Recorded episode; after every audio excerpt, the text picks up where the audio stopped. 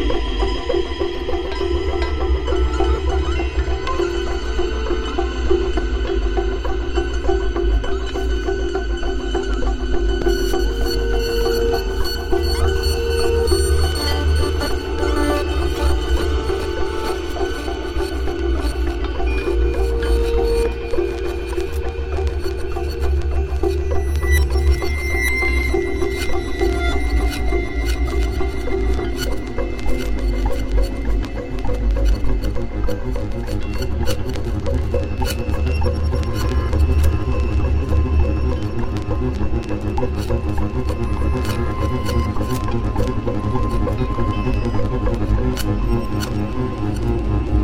you.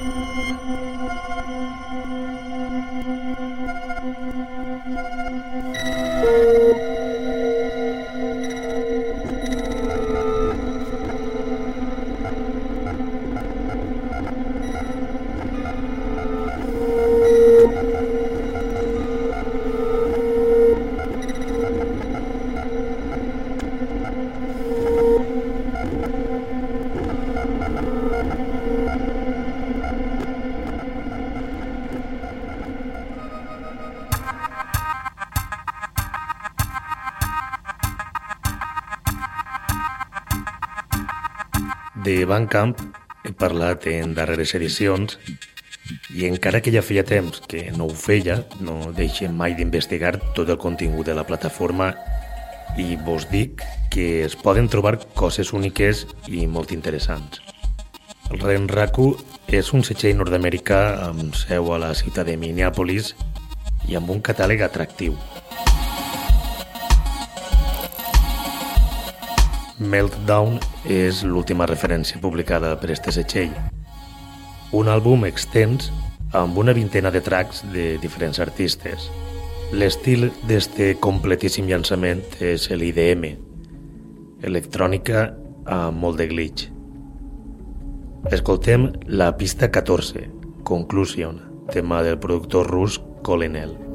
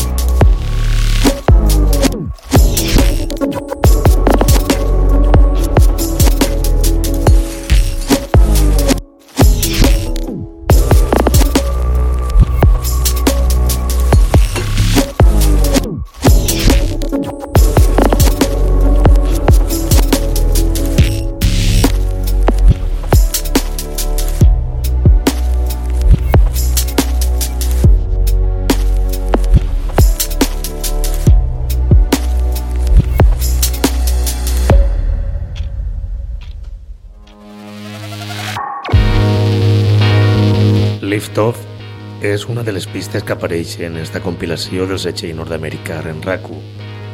Tema elaborat pel també nord-americà Kane Maynard, que en esta ocasió firma la peça com a Canti.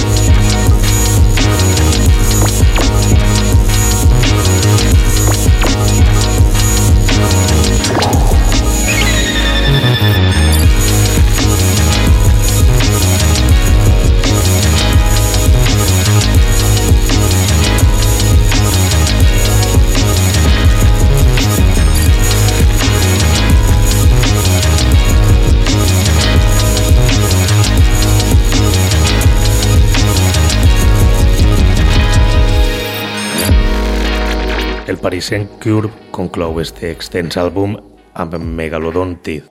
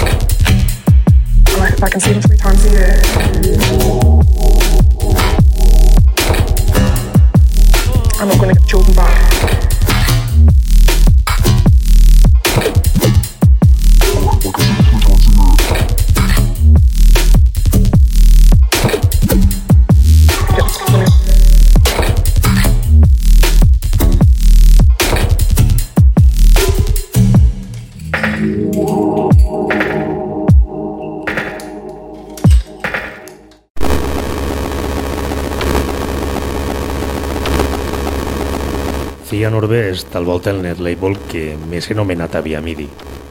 Si sona assíduament és perquè la qualitat i l'originalitat del projecte ho val. I és que crida l'atenció l'estil experimental de les seues referències. Referències elaborades majoritàriament per dones. Genetic Orbe, estructuralment, és un àlbum calcat al que hem escoltat abans. 20 pistes de 20 artistes diferents. La primera d'elles justament no pertany a una autora, sinó al productor brasiler Joao Raup, conegut artísticament com a Rauwar. Això que estem escoltant és Legendary Pigs.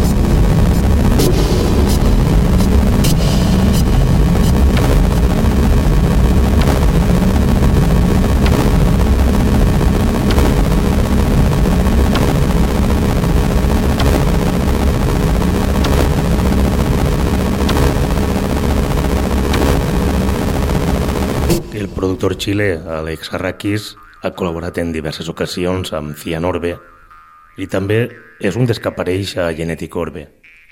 Que el teu és un tema amb el que juga amb sorolls i ones sinusoidals.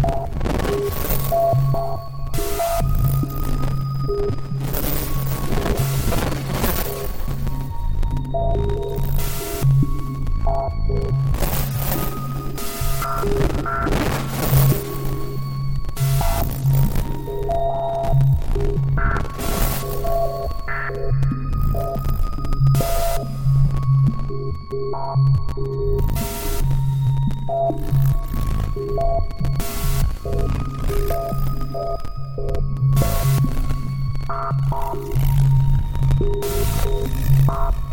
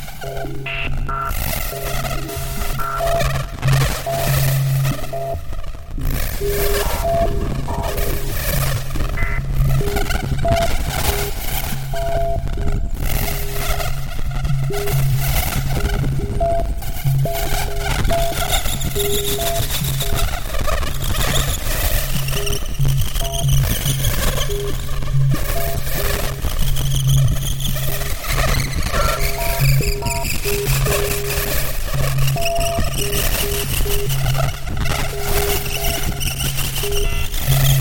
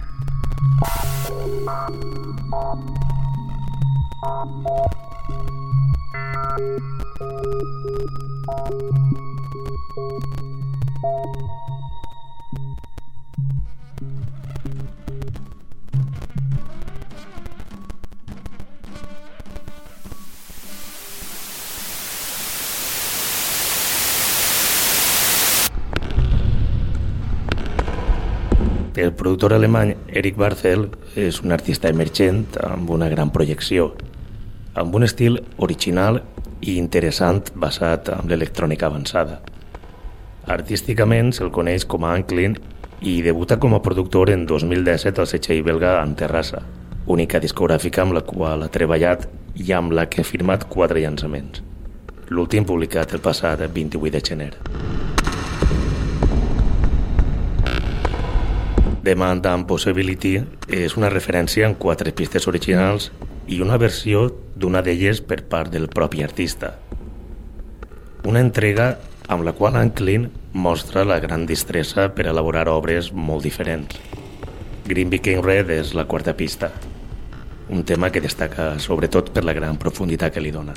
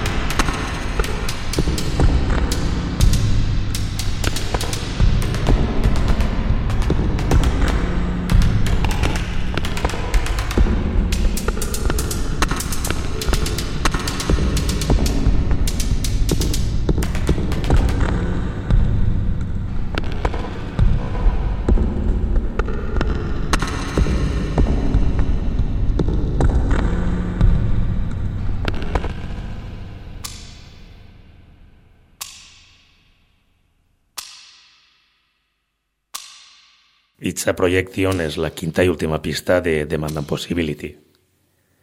En este cas, Anklin tira més per una electrònica industrial.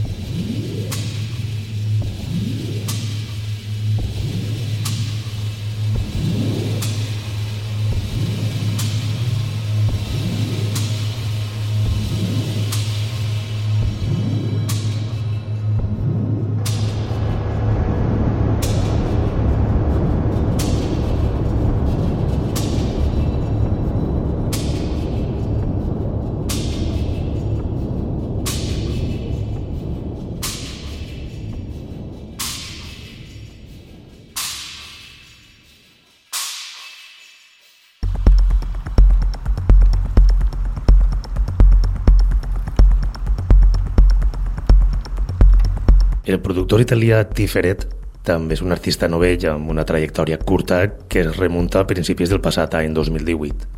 Fins a dia d'avui, únicament ha firmat un parell de referències al setxell portuguès Reactivate. L'última així a la venda el mateix 31 de desembre de 2018. Return to the Primordials Worth of Being es va llançar amb tres pistes i dos versions al tema principal de Crypt i de A Thousand Details. The Polarization Process of Self és el segon track de Return to the Primordial Source of Being, últim treball de l'italià Tiferet.